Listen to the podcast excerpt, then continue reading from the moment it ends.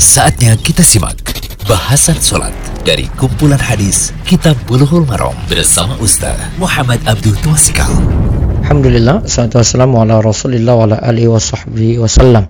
Kali ini kita berada di audio ke-14 hadis 171 dari kitab Bulughul Maram, kitab salat tentang al-mawaqit waktu salat dari Ibnu Mas'ud radhiyallahu anhu ia berkata Rasulullah sallallahu alaihi wasallam bersabda, "Afdul a'mal as-salah fi awali waqtiha."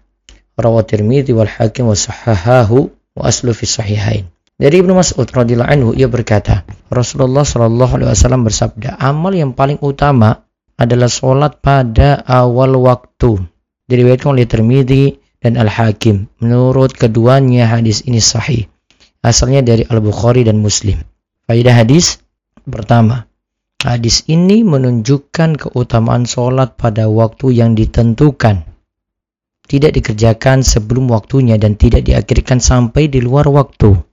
Jadi ada waktu-waktu sholat, kerjakanlah sholat pada waktu tersebut. Dua, hadis ini menunjukkan perintah untuk bersegera dalam kebaikan. Jangan tunda-tunda. Termasuk dalam mengerjakan sholat. Yang ketiga, paling bagus melaksanakan sholat lima waktu pada awal waktu. Kecuali sholat yang boleh diundur. Seperti sholat zuhur, jika cuaca begitu panas, yang pernah kita singgung dan sholat isya boleh diakhirkan dengan melihat keadaan makmum. Ini juga pernah disinggung.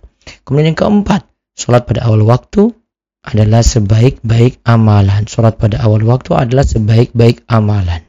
Wallahu a'lam bishawab. Demikian bahasan sholat dari kumpulan hadis Kitab Bulughul Maram bersama Ustaz Muhammad Abdul Tuasikal.